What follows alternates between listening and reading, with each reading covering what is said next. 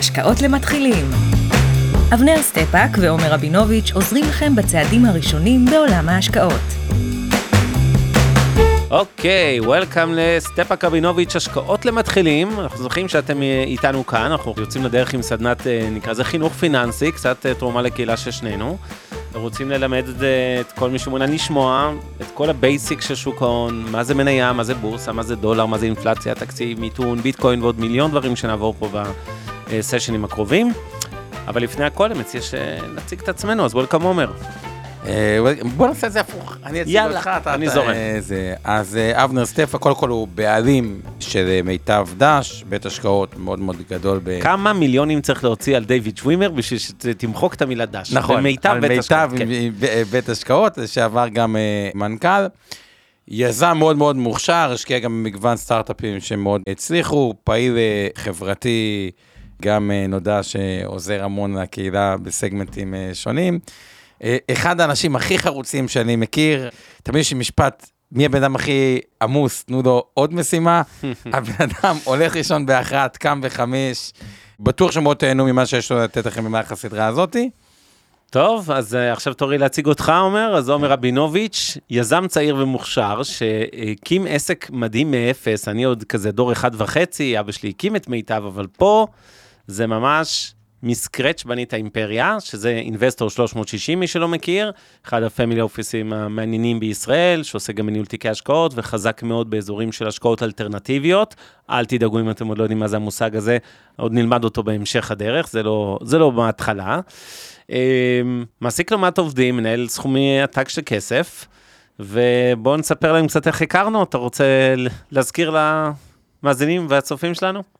אז אה, איך הכרנו, איך חשבנו לעשות את הפודקאסט הזה? בוא נתחיל מאיך הכרנו. אז בוא תספר אתה, לא, אתה תספר. תספר אתה, כמו זוגיות. אה, אני לא זוכר, עזוב, נו, תספר.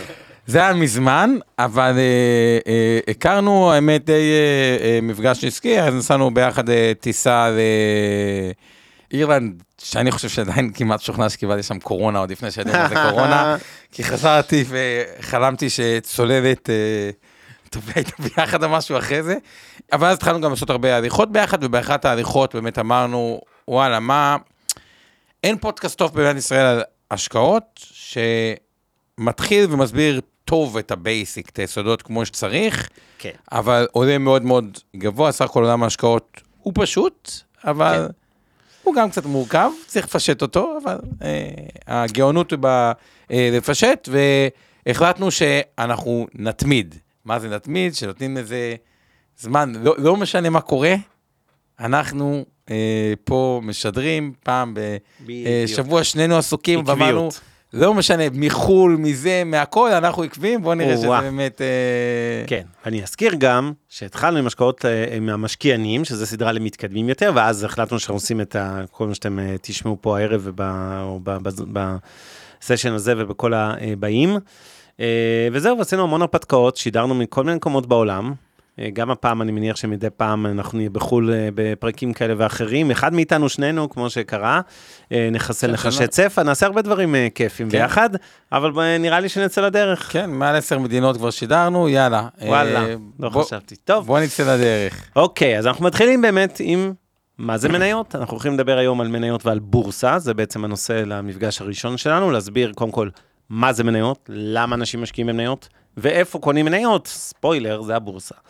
אז uh, נדבר גם על איך היא עובדת. רק לפני שאומרים את המילה מניות, אני רוצה שכבר מעכשיו, uh, ועוד רגע אבנר אולי תרחיב מה מגיע להם, תנסו לצאת רגע מעולם המניה, ותחשבו על זה השקעה בחברות. כי זה דבר שהוא מאוד פשוט, באמת משקיעים בעסק, אתם שותפים בעסק. חברה, נכון. עכשיו תחשבו על זה, אם הייתם משקיעים בעסק של... חבר, או שמה, מה אתם בודקים, עד כמה אנחנו סומכים עליו, עד כמה תוכנית עסקית, כמה, אותו דבר. השקעה במניה, אתם פשוט שותפים בעסק. ויש לכם זכויות, איזה זכויות יש להם שהם שותף בעסק? אז בגדול, בוא נתחיל מזה, מה זה מניה? מניה, כמו שאמרת, זה שותפות בחברה. אתם מקבלים, אה, לצורך העניין, אם קניתם, לדוגמה, מניה אחת, ויש לחברה הזאת 100 מניות, קיבלתם אחוז אחד מהחברה. יש בעצם שלוש זכויות שאתם מקבלים כשאתם קונים מניה, או שלושה דברים שאתם תאורטית רוצים להשיג. הדבר הראשון זה כמובן להרוויח כסף מעליית הערך של המניה. אתם קונים את המניה היום בבורסה, אתם מקווים שבעוד כמה חודשים או שנים המניה תעלה משמעותית לעומת מחיר הקנייה, בדיוק כמו בנדל"ן, שאם קניתם דירה, אתם מקווים שערך הדירה יעלה. הדבר השני שאתם מקבלים ממניה, אה, מלבד השותפות, כן, והעובדה שזה חלק מחברה ואתם כמובן רוצים להרוויח על השותפות הזו כסף מעליית ערך המניה, הדבר השני זה בעצם הדיבידנד, או בפרפרזה לנדל"ן, זה השכירות השוטפת, אוקיי? מה זה דיבידנד? דיבידנד למעשה זה בעצם הרווחים של החברה שהיא מחלקת לבעלי המניות כמוכם. זאת אומרת, אם חברה מסוימת נניח הרוויחה 100 מיליון שקל בשנה מסוימת, אחרי מס, והיא מחליטה שהיא מחלקת חצי מהרווח שלה לכל המשקיעים, אוקיי? אז היא חילקה לצורך העניין 50 מיליון שקל. אם אתם קניתם מניעה אחת ויש 100 מניות בחברה, כלומר, אתם שותפים ב-1 אחוז, 1 חלקי 100, אז אתם תקבלו גם 1 אחוז מאותם 50 מיליון, או בדוגמה הזאת, חצי מיליון שקל דיבידנד, אוקיי?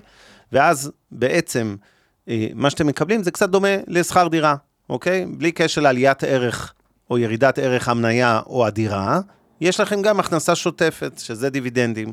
לא כל החברות אומנם מחלקות דיבידנד, אין חובה לחברה לחלק דיבידנד, אבל זה נוהג שמקובל בטח בחברות הגדולות, ברובן המכריע, וזה גם הולך ועולה, ואני אעשה עוד ספוילר למפגשים עתידיים. אתם רוצים בדרך כלל להעדיף מניות של חברות שבאמת מחלקות חלק לא קטן מהרווחים שלהם למשקיעים, כלומר מחלקות דיבידנדים. הדבר השלישי שאתם מקבלים, והוא הכי פחות חשוב, והשקעה במניה, זה שותפות תיאורטית בקבלת החלטות אסטרטגיות של החברה. מדי פעם אתם תקבלו איזה מכתב מהבנק שלכם אה, או מהברוקר אה, בדואר או במייל, שקורא לכם לבוא להצביע באיזושהי סוגיה.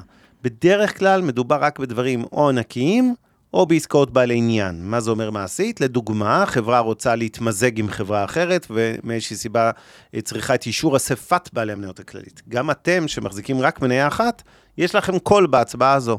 וכמובן, כל מניה יש קול אחד, אז מי שמחזיק אה, הרבה מניות משפיע יותר. והדבר השני זה הרבה פעמים עסקאות בעלי עניין. לדוגמה, המנכ"ל או הבעלים רוצה לאשר לעצמו מענק שמן. אה, הוא לא יכול לאשר את זה לעצמו, הוא צריך אישור של משקיעים מהציבור, שהם לא, אין להם ניגוד עניינים, אנשים כמוכם שקנו את המניה בבורסה. ואז הרבה פעמים אתם יכולים להצביע בעד או נגד, אבל בכנות נשים את זה על השולחן כבר מראש. זה כנראה הסוגיה השלישית, זו הסוגיה שהכי פחות חשובה לכם. מה שאתם באמת רוצים זה שני דברים, אחד שהמניה תעלה בבורסה, והשני שתקבלו דיבידנדים, ושבסך הכל משני המקורות האלה, תרוויחו הרבה כסף. עכשיו, אבנר אמר המניה תעלה והזכיר בדומה לנדל"ן.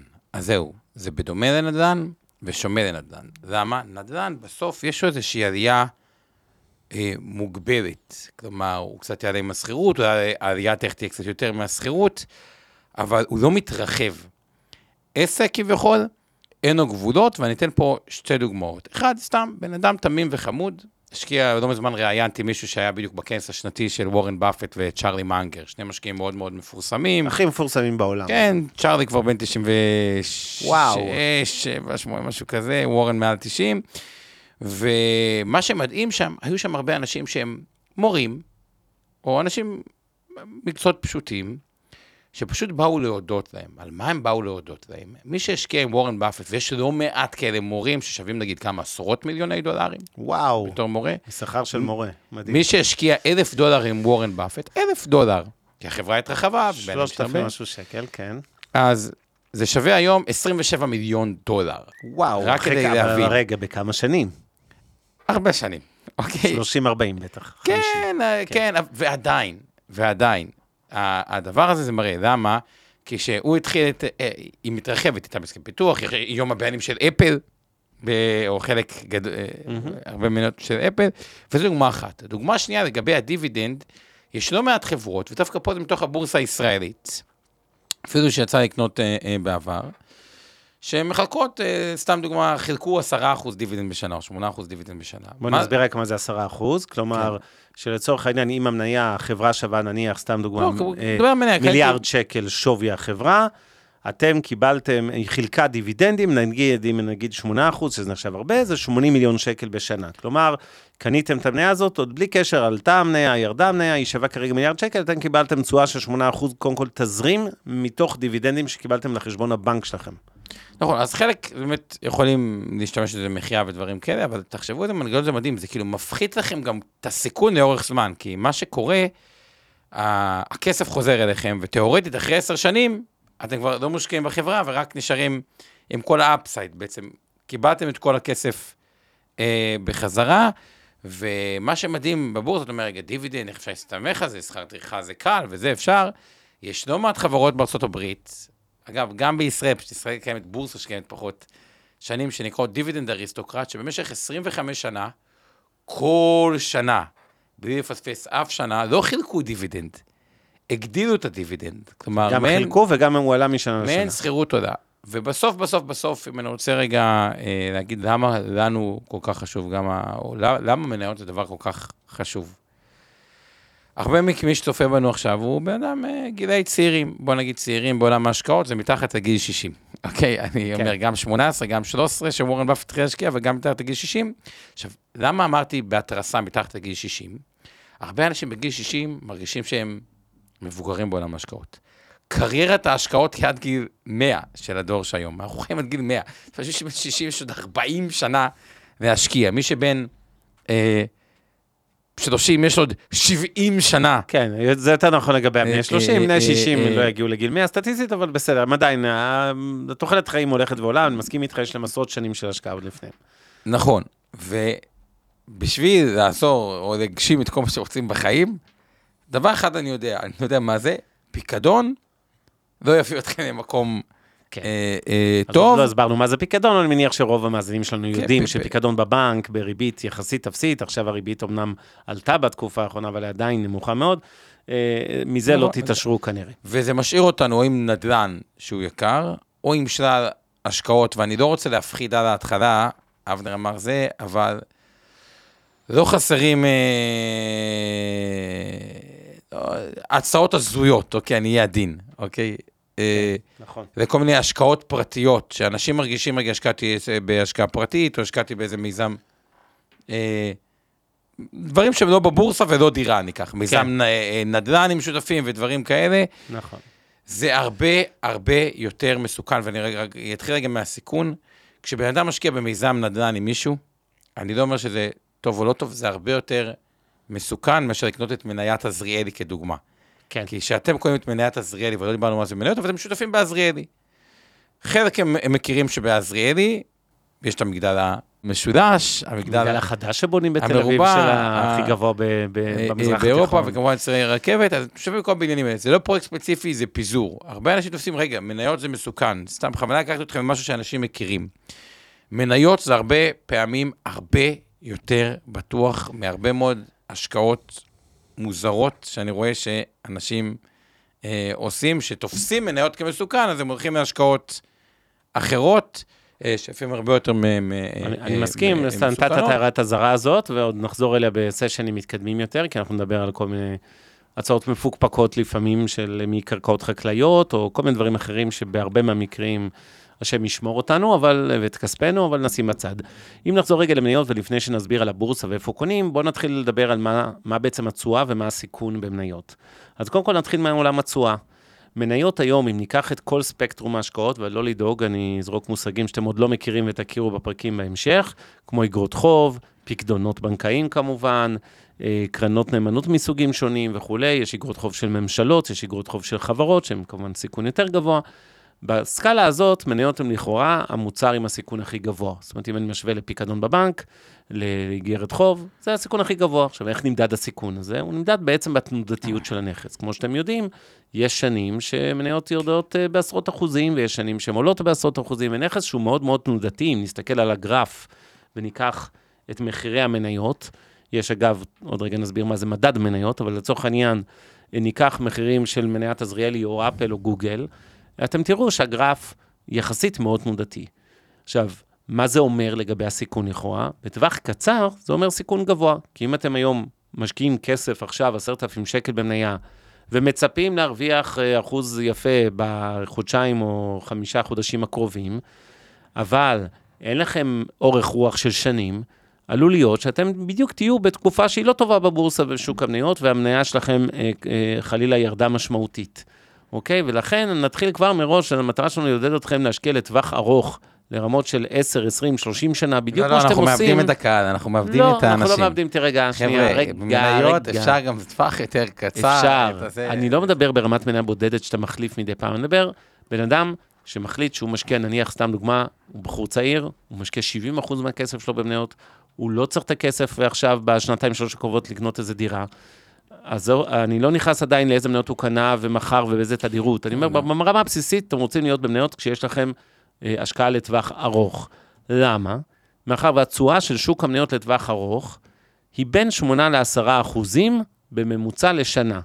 אבל זה מושג, כמו שהסברתי, עם תעודתיות גבוהה, זה יכול להיות פלוס 37 אחוז בשנה מסוימת, ובשנה אחריה מינוס 12, ובשנה אחרי זה פלוס 22, ושנה שלישית 0 וכולי וכולי, כשהממוצע כמעט בכל עשור שנבדוק, 1962 עד 72, 85, 95 וכולי וכולי, 2010, 2020, אנחנו נראה בסך הכל תשואות מאוד מאוד גבוהות. אה, בשוקי המניות, זה נכון בישראל, זה נכון בנסדק ו-S&P, שזה מדדי אה, מניות בארצות הברית, זה נכון באירופה, באסיה, בגדול, זה נכון בכל מקום. כמובן שיש שונות מסוימת, זה לא שכל המניות והבורסות מתנהגות אותו דבר, אבל בבסיס, זו כנראה השקעה שלטווח ארוך, תניב לכם את התשואה הכי גבוהה ביחס ליתר אפיקי השקעה. אתה מסכים? אז, אז בואו ניתן לכם טיפ קטן כבר, כי אבנר אמר כן. פה משהו אה, אה, חכם. גם הכסף שלכם הוא מחולק לכמה חלקים. אחד הוא הכסף הפרטי, שאתם אומרים, רגע, אולי אני עוד מעט אקנה דירה או משהו, או שיש לי. אבל גם יש לכם אולי כסף שהוא בפנסיה, ויש לכם כסף בהשתלמות, שכבר אני אומר, קרן השתלמות, יהיה לנו פרקים שמסבירים את זה לעומק, אבל זה כספים שהם פטורים ממס, ועדיף לא לגעת בהם, אלא אם כן ממש. לא למשוך אותם, כן. אתה שאומר לא לגעת. יש מקרה להשקיע חירום. אותם במילים אחרות. כלומר, כבר הכסף של הפנסיה והקרן השתלמות, זה דברים שבהגדרה הם כנראה לטווח בינוני ארוך, או ארוך, או ארוך מאוד. כן. וכבר שמה יהיה חכם, וזה גם פטור ממס. אז כבר שמה, כתפיסה, עדיף שזה יהיה יותר מוטה לחלק המנייתי, חלק ירגישו בנוח 100% מניות, חלק ירגישו אה, עם אה, קצת פחות, אבל זה פחות. ובכסף הנזיל, גם פה תתחיל יותר דילמה, נדבר עליה בהמשך, אבל גם יש כן. היגיון שבמניות, אבל גם עוד דברים. אז יהיה לנו פרק שלם על מיסוי, ונסביר בדיוק את מה שהתחלת להגיד עכשיו, לגבי איפה להשקיע במניות, בפנסיה, בהשתלמות, או בחשבון בטרייד, או בחשבון בבנק וכולי, עוד נגיע לזה, אבל נתת כבר רמז מקדים, קודם כל במקומות שהם פטורים ממס, כמו החסכונות הפנסיוניים שלכם, ואחרי זה בהשקעות הנזילות, אבל עוד נגיע לזה. אבל בגדול, אם אני חוזר רגע לתשואת שוק המניות, אז הבנתם אה, את הסיפור במשפט פשוט. תשואה גבוהה, תנודתיות גבוהה, סיכון יותר גבוה, אוקיי? אתם מבינים את זה די אינטואיטיבית, כשאתם משקיעים בפיקדון בבנק, אתם כנראה לא יכולים להפסיד כסף, אלא אם הבנק פשט רגל. סיכון שני, שראינו אותו ספציפית בשנים האחרונות יותר, עם התפרצות האינפלציה, זה שכמובן, למרות שקיבלתם נניח ריבית בפיקדון בבנק, והריבית כמובן הייתה ועדיין יחסית מאוד נמוכה, הייתה אפסית ממש כל ה... 10-15 שנים האחרונות, אבל בגדול, אה, גם כשאתם מקבלים ריבית, אתם עדיין חשופים לסיכון של אינפלציה, זה נסביר בפרק השני שלנו, שניפגש, אבל אה, ניכנס למה זה אינפלציה במפגש הבא, אבל בגדול, אתם רוצים גם לשמור על ערך הכסף. זאת אומרת, כשאנחנו מדברים על תשואות, בין אם זה על מניות, איגרות חוב או פקדונות, אנחנו בדרך כלל מדברים במה שנקרא מושגים אה, אה, נומינליים, כלומר, לא מותאמים לאינפלציה, לא מותאמים לכוח הקנייה. זה אומר שכשאני אומר שאתם עשיתם ש- אה, 8% במניה, לדוגמה, יכול להיות שהאינפלציה עלתה תיאורטית, זה לא קרה פה, אבל נניח ב-8%, ואז בעצם התשואה הריאלית שלכם היא אפס, אוקיי? במונחים ריאליים. ואנחנו נסביר את זה, אני לא רוצה להיכנס אה, לזה אה, עכשיו, אה, כי זה יהיה במפגש הבא. אבל בואו נדבר, אמרנו את המילה אינפלציה. וזה... לא, אבל זה מפגש הבא. במפגש הבא. אבל רק רוצה לתת ככה, ואני בטוח שרוב מי שמאזין פה בקהל, שמע את המונח בטח בימים אלה, שאינפלציה, עליית מחירים, דברים כאלה, זה בכותרות. ונשאלת השאלה, איך מתגוננים מפני אינפלציה בטווח הקצר, בינוני, ארוך? זו שאלה שהמון המון משקיעים אה, שואלים. אה, נענה עליה בהרחבה במפגש הבא. במפגש הבא, אבל כבר אני ארמוז, חלק מזה קשור ל... אה, אגב, גם נדל"ן, אבל גם מאוד מאוד רלוונטי לעולם המניות, ואיזה מניות רלוונטיות, בדיוק, יש אבל מניות שיותר בתכלס, מאינפלציה. אלה שני הדרכים לשמור, כאילו מניות ונדל"ן, אלה האפיקים שבדרך כלל יותר ישמרו לנו על ערך אה, הכסף, על ערך, אה, ובשאיפה הכסף גם יגדילו אותו. לאורך אה, אוקיי, אה, זמן. אז עכשיו הזמן לעבור קצת אה, לעולם של בורסה ולדבר על איפה קונים אה, מניות, ואחרי זה נעשה איזשהו סיכום אה, ביניים. אה, אז בואו נתחיל רגע ממה זה בורסה. בורסה זה שוק, כמו כל שוק שאתם מכירים, שוק הכרמל של הפירות והירקות, וכל שוק אחר, שוק הפרחים. בסופו של דבר, הבורסה היא מפגש בין קונים ומוכרים, מה שאנחנו קוראים ביקוש והיצע, ביקוש זה הקונים, היצע זה המוכרים, שכל אחד יכול להחליט אם הוא רוצה לקנות מניה מסוימת, למכור את המניה שהוא כבר מחזיק וכולי. אהבתי ששני האנלוגיות הראשונות שלך, שוק הכרמל ושוק הפרחים, ממש אה, זה, אבל תמשיך, תמשיך. כן, זה אותו דבר. כשאתם באים ביום שישי לשוק הכרמל בשלוש בצהריים, מחירי העגבניות צומחים, נכון? כי הסחורה תיזרק בסוף היום, היא לא תשרוד את סוף השבוע.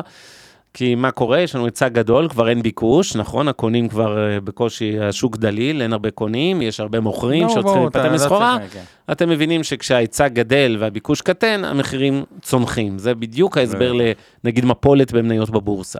אז בגדול בשוק הזה, שמתנהל כמעט בכל העולם בצורה אלקטרונית, כלומר, אם פעם היו בעבר אנשים עומדים בפיזית בבורסה וצועקים, ברוקרים צועקים, תקנה לי, תמכור לי וכולי, היום זה בעצם עובד כמעט בכל העולם 100% דיגיטלי. ואנשים מזרימים, הבורסה מנהלת את ספר, את השוק הזה, את ספר הפקודות הדיגיטלי של היצע וביקוש, ובגדול, אה, מפגישה בין קונים למוכרים. וכשאתם שואלים, הרבה פעמים אנשים לא מבינים, אומרים לי, רגע, אם אני מרוויח במניה, אז בטח מישהו הפסיד. לא. במניות, בשונה מאגב תחומים אחרים מסוימים, אם, יכול להיות שכולנו הרווחנו, אוקיי? כי אם המניות עולות לאורך זמן, אז באמת כולנו הרווחנו. אם השקענו במניות בעקיפין דרך קרנות הפנסיה שלנו, במישרין במניות, אנחנו נרוויח.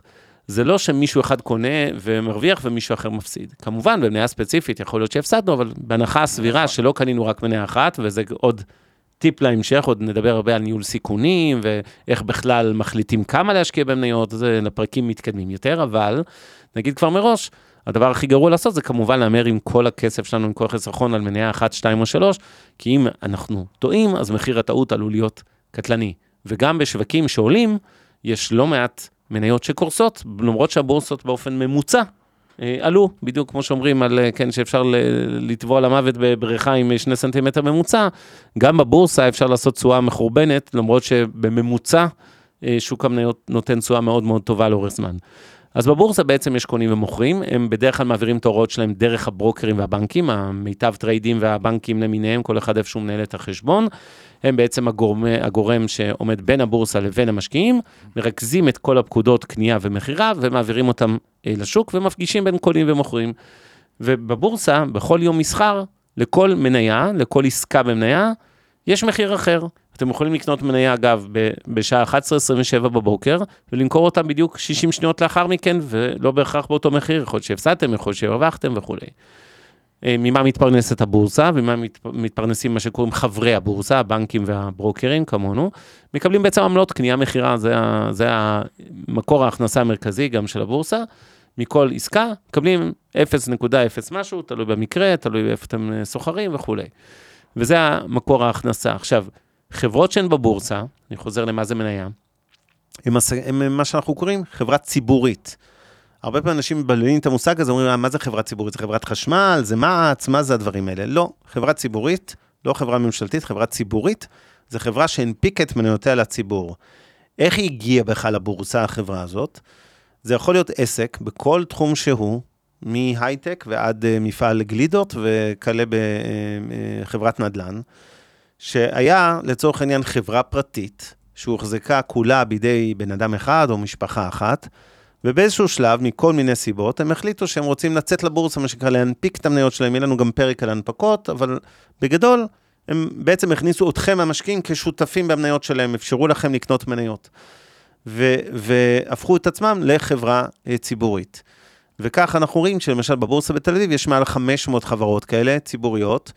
רוב החברות הגדולות במשק הישראלי, למשל, הן בבורסה, הן חברות ציבוריות, חברות כמו שטראוס, בזק, כימיקל מישראל, טבע, כל, כל הבנקים אה, בישראל, כמעט ללא יוצא מן הכלל. אגב, סתם אנקדוטה, אבנר הזכיר, לדוגמה, מודל עסקי שממה הבורסה מרוויחה מכל, אה, יש את חברי הבורסה, אה, כמו מיטב בנקים וכו'. הברוקרים, שהם מרוויחים מהעמלות שלכם, אבל גם הבורסה עצמה מרוויחה איזשהו כן, כן. friction קטן. וגם הבורסה עצמה כעסק החליטה להנפיק את עצמה, והיום חברה ציבורית. כן, זה מצחיק קצת, אז- שהבורסה בעצמה נסחרת בבורסה. הבורסה עצמה נסחרת בבורסה, אפילו מתחילת... אה, אוקיי, אה, אז- עשתה תשואה יפה סך הכל אה, מאז ההנפקה. אז איך נקבע מחיר המניה שלכם הבוקר בבורסה לצורך העניין, או בצהריים או אחר הצהריים? בדרך כלל מסחר הוא בשעות היום, הוא בדרך כלל מתקיים בין ראשון לחמישי, או בעולם בין שני לשישי, באירופה וארצות הברית. אה, איך בעצם נקבע המחיר? על פי ביקוש והיצע. מה זה אומר מעשית? אם אני אבוא היום וב-11 בבוקר יש אה, אה, הרבה מאוד קונים שמעוניינים לקנות את המניה, נניח של גוגל, אוקיי? הם הזרימו פקודות קנייה, מצד שני יכול להיות שיש פחות מזה אה, אנשים שמבקשים למכור, שזה צד ההיצע של המניות. אז יוצא מצב, בדיוק כמו בשוק, בדיוק כמו שקרה אגב, אה, אתן דוגמה משוק שאתם כולכם מכירים, שוק המכוניות, ב, אחרי ש, עשרות שנים שהתרגלנו שמכונית משומשת רק הולכת ויורדת, ברגע שהיה מחסור, כלומר היה פחות היצע, כי היו בעיות של אספקה עם הקורונה וכל מיני ייצור בסין ובכל מיני מקומות בעולם, נוצר מצב שמחירי מכוניות משומשות התחילו לעלות. אנשים רצו לקנות מכונית מחר בבוקר, לא לחכות עכשיו חצי שנה לאיזה אה, אונייה שתקועה בלב ים עם הקורונה. והתחילו לקנות מכוניות משומשות, והתחיל אה, ביקוש מוגבר, ההיצע היה מוגבל, וקרה, ובעצם אנשים לאט לאט העלו את המחירים של המכוניות האלה, החברות ליסינג שמוכרים במגרשים וכולי. אותו דבר בשוק המניות. אתם באים לקנות מניה, נניח שיש סביבה איזשהו הייפ, יש חדשות טובות, היא פרסמה רווחים יפים, היא דיווחה על איזושהי עסקה גדולה, אולי היא קונה מתחרים, אולי היא אה, מתרחבת למדין, לכל מיני מדינות בחו"ל, ובסופו של דבר זה מייצר יותר ביקוש, יותר קונים שמבקשים לקנות את המניה, כשהקונים האלה מזרימים את ההוראות, הם פוגשים היצע קטן. אגב, עוד דוגמה טובה זה שוק הנדל"ן, עליית מחירי הדירות המטורפת שראינו פה ב-15-20 שנים, 15 השנים האחרונות, היא תוצר של בדיוק זה. היה מעט מדי הפשרת קרקעות, מעט מדי uh, התחלות בנייה ובנייה, ומצד שני ביקוש גדול גם של אנשים שרוצים לקנות דירה למגורים, וגם אנשים שמשקיעים בדירות. אז כל הביקוש הזה, שפגש היצע קטן יותר, הביא לזה שהמחירים עלו. וכך גם בבורסה. עכשיו, אתם יכולים לקנות היום אה, מניה ב-11 בבוקר, להחזיק אותה בין חצי דקה לשעות, ליממות, אה, כן, לחודשים, שנים ועשורים גם. אתם לא, אין, אין איזושהי מגבלת זמן מינימום או מקסימום להשקעה שלכם במניה.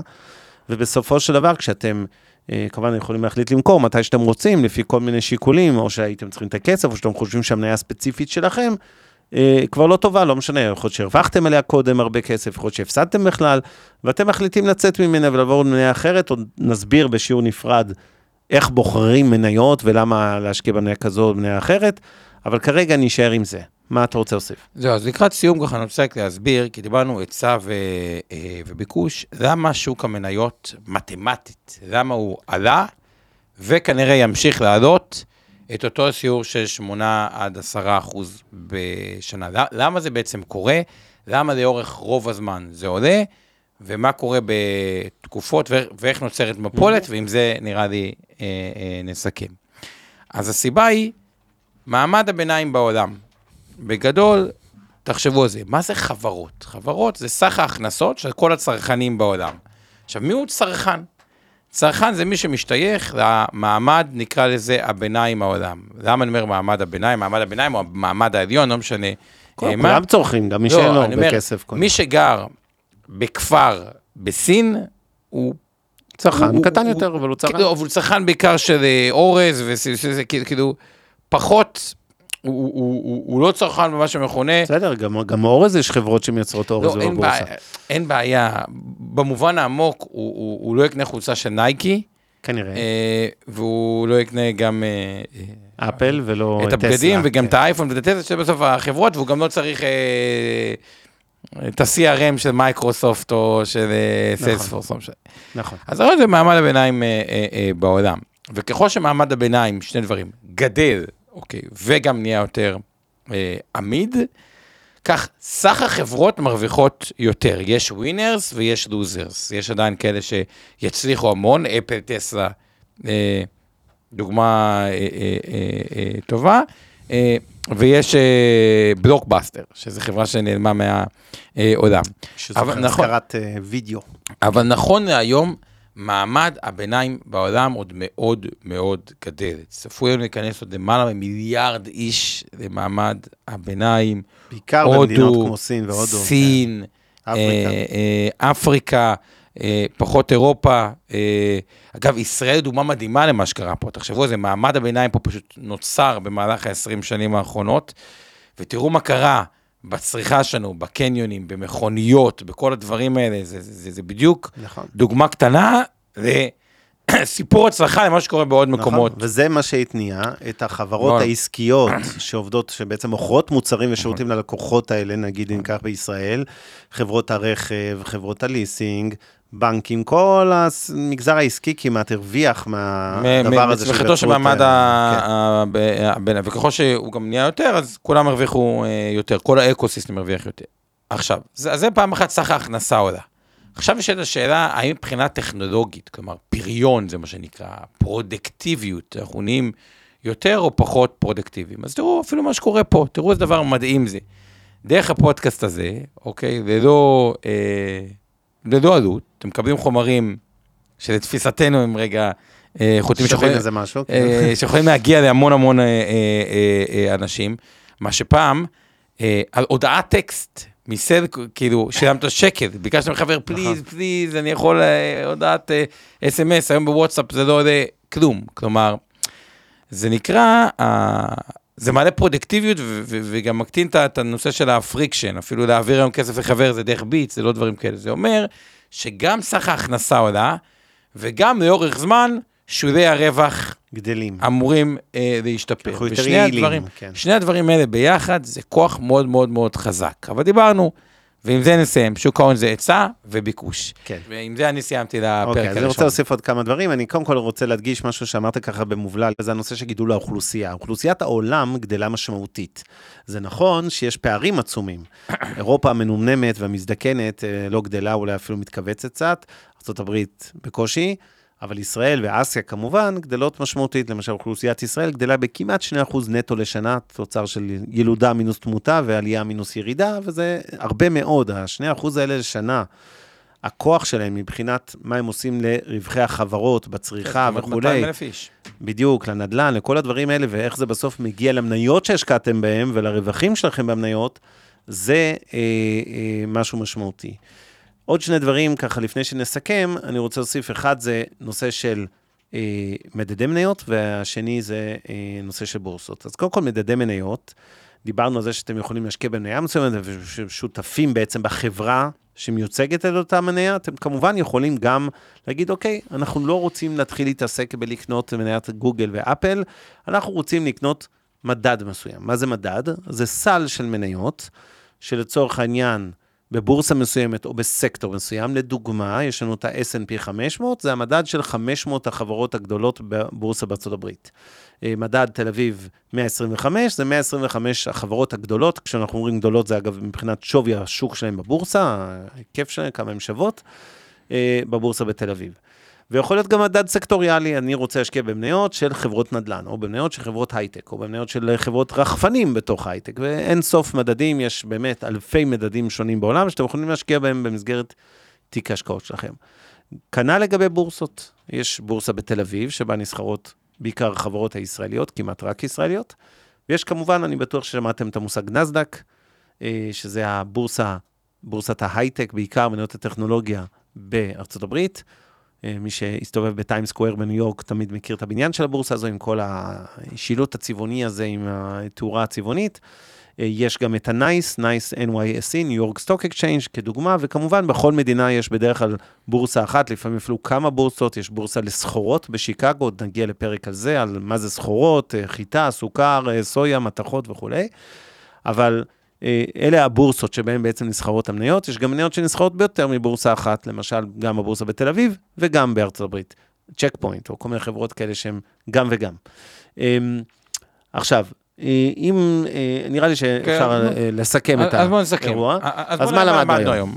אוקיי, אז נתחיל ממה זה מניה. אז אמרנו בעצם מניה זה שותפות בחברה, אתם בעצם נכנסים להיות שותפים בחברה שהיא ציבורית, שהיא מונפקת בבורסה, להבדיל מעסק פרטי, ומה נותנת לכם השותפות הזאת? אחד, עליית ערך בשאיפה, בהנחה שהחברה תתפתח והמניה שלה תעלה בבורסה. שתיים, דיבידנדים, שזה המרכיב השני של תזרים שאתם מקבלים אה, חלק מהרווח של אותה חברה. שהיא מחלקת אותו כדיבידנד למשקיעים, זה השכר דירה שלכם על המניה במרכאות, ואמרנו בשוליים, יש גם את המעורבות בקבלת החלטות, אבל היא שולית וכנראה פחות מעניינת. ואז דיברנו על הבורסה, שזה אותו שוק של ביקוש והיצע. הירידות גם הן בדרך כלל מאוד מאוד חדות. חדות, ועליות יכולות להימשך גם עשור, והרבה זמן, כי הכוחות של העלייה הם הרבה יותר חזקים, אבל הפאניקה מבחינת היצע וביקוש היא חזקה מהכל. ובפרק הבא, בוא נגיד, אז רגע נספר להם- לפני הפרק הבא, נגיד גם שקודם כל נגעת עכשיו בנושא של פסיכולוגיה בהשקעות, זה, זה נושא כבד שנדבר עליו, למה קורים מפולות, קורות מפולות אה, בבורסה, ולמה אנשים נבהלים מכל האירועים שהם אה, חווים ומוכרים את המניות שלהם, זה עוד ניגע אה, בעתיד.